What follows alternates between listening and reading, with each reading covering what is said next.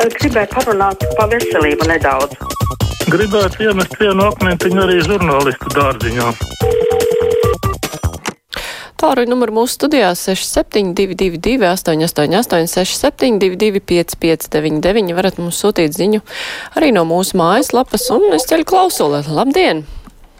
Sveicināti! Labdien! Savā laikā Vladimirs Iļičs Ļeņins izteica tādu domu, ka valsti vadīt ir ļoti vienkārši. To var darīt jebkurš. Nu, mēs esam nonākuši līdzīgā situācijā. Kaut gan šo Ļeņina tēzi parasti jau padomju laikā neizmantoja. Ministrs izvēlējās ļoti, ļoti kompetentus. Tagad mēs uh, valsts otro un trešo amatpersonu ievēlējam pāris stundu laikā. Neko nezinot sīkāk, kā būs, kā būs. Nu, es uzskatu, ka tomēr par ministru jā, jāievēl cilvēks, kurš ir kompetents savā lietā. Kurš ir vadījis? Jā, paldies. Sapratām jūsu domu, lai gan nu, varētu arī apšaubīt, ka padomi laikā ministri bija tik kompetenti. Labi, celšu vēl klausuli. Halo! Uh, halo, labdien! L labdien! Gunārs no Rīgas. Man ir tāds priekšlikums. Ietaupīsim naudu uh, teātra mākslai.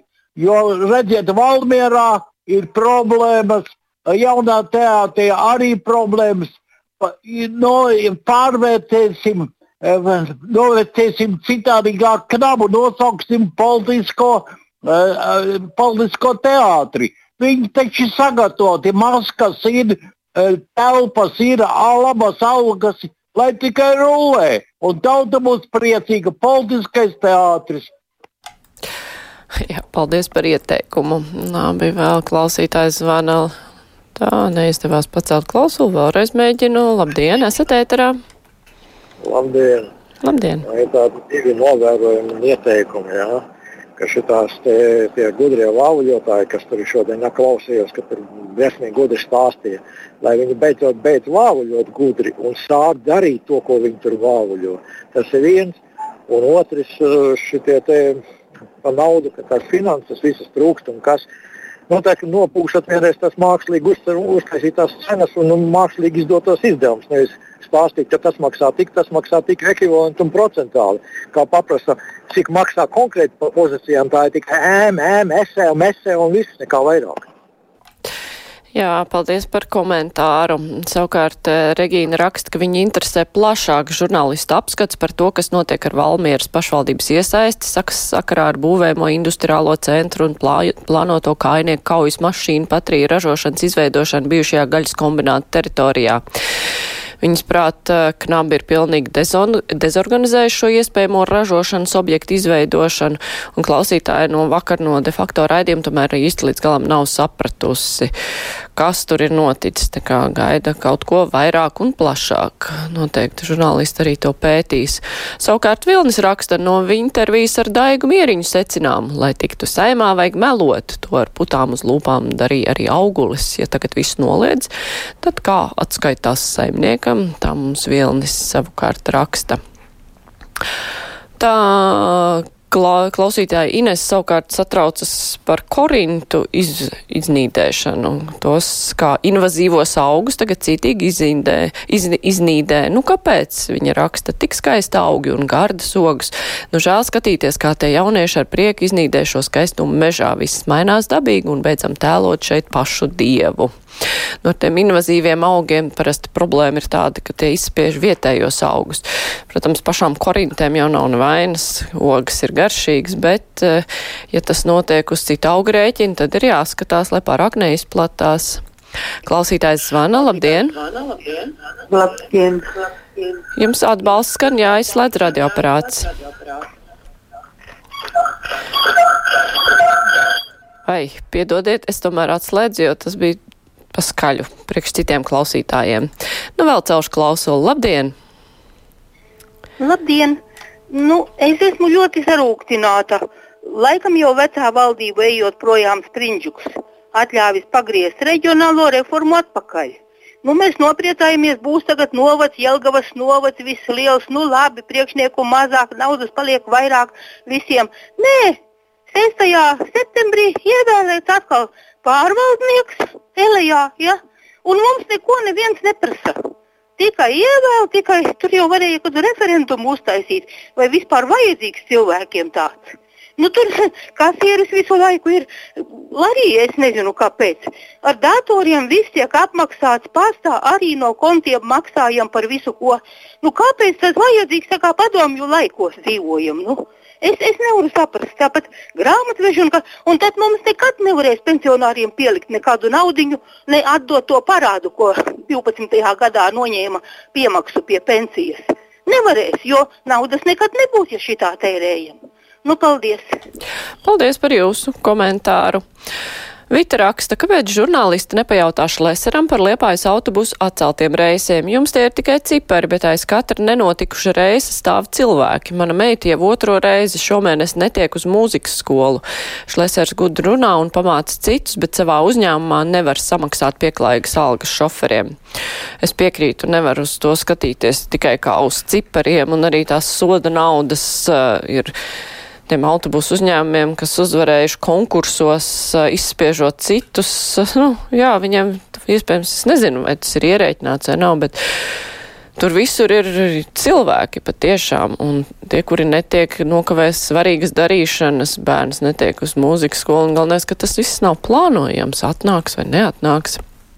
Klausītājs Miks raksta, prieks bija klausīties piekdienas raidījumā, cik sagatavojies uz diskusiju vienmēr ir domburs, prieks klausīties un piemērs pārējiem žurnālistiem, kā jāstrādā. Jā, tāpēc mēs arī aicinam Dombora kungu. Viņš ļoti iedziļinās savos tematos un tāpēc arī var tā novadīt raidījumus savus. Tā, klausītājs Vana, labdien! Halo, labdien! Mīļie cilvēki, nu ko jūs gribiet gaidīt kaut kādas pārmaiņas uz labo pusi? Jo krēslos jau ir iesēdušies, nu pat ir iekārtojušies visi vecie sēdētāji. Jā, nu, tā ir tāda nelaime Latvijā, bet es pieļauju, ka arī citur tādi sēdētāji ir. Klausītājs zvana, labdien! Labdien! Esat ēterā? Es jums gribu pateikt lielu paldies Rīgas domai ķirsim pēdiņās par to, ka mums slēdz pieturu Stengaragā Aglonas ielu, ielā. Lai mēs, vecie cilvēki, tagad ejam pa, pa Maskavas ielu līdzās tramvajam, sniegā, lietu un vēl kādos sliktākos apstākļos. Paldies, ka mums pietura blakām vairs nav vajadzīga. Un, a, a, Jā, paldies, ka norādījāt uz šo lietu. Diez, kas nav. Klausītājs uh, Juris raksta, paldies Fon Krauzes kungam par sazvērstību teoriju cīnītāju Andra Bērziņu nopratināšanu laikmet krustpunktos daudzkārt uztaigi jautājot, vai Krievija ir agresora valsts, uz ko subjekts tomēr nesniedz skaidru atbildi. Tas ir viss, kas mums jāzina par skaļākajiem antivakseriem, tā Juris raksta. Ceļu klausulu, labdien, esat ēterā. Labdien. Labdien. Sakiet, lūdzu, kā var būt Ukraina bats, ka mm, graudus nav kur likt, eļļas pie mums pietiek, pilni veikali, olu, cepumu, ir visa kā piegrūst visās vietās. Ukraina bats, nu kā var būt, viņiem pārprodukcija, no, nav kur likt produktu.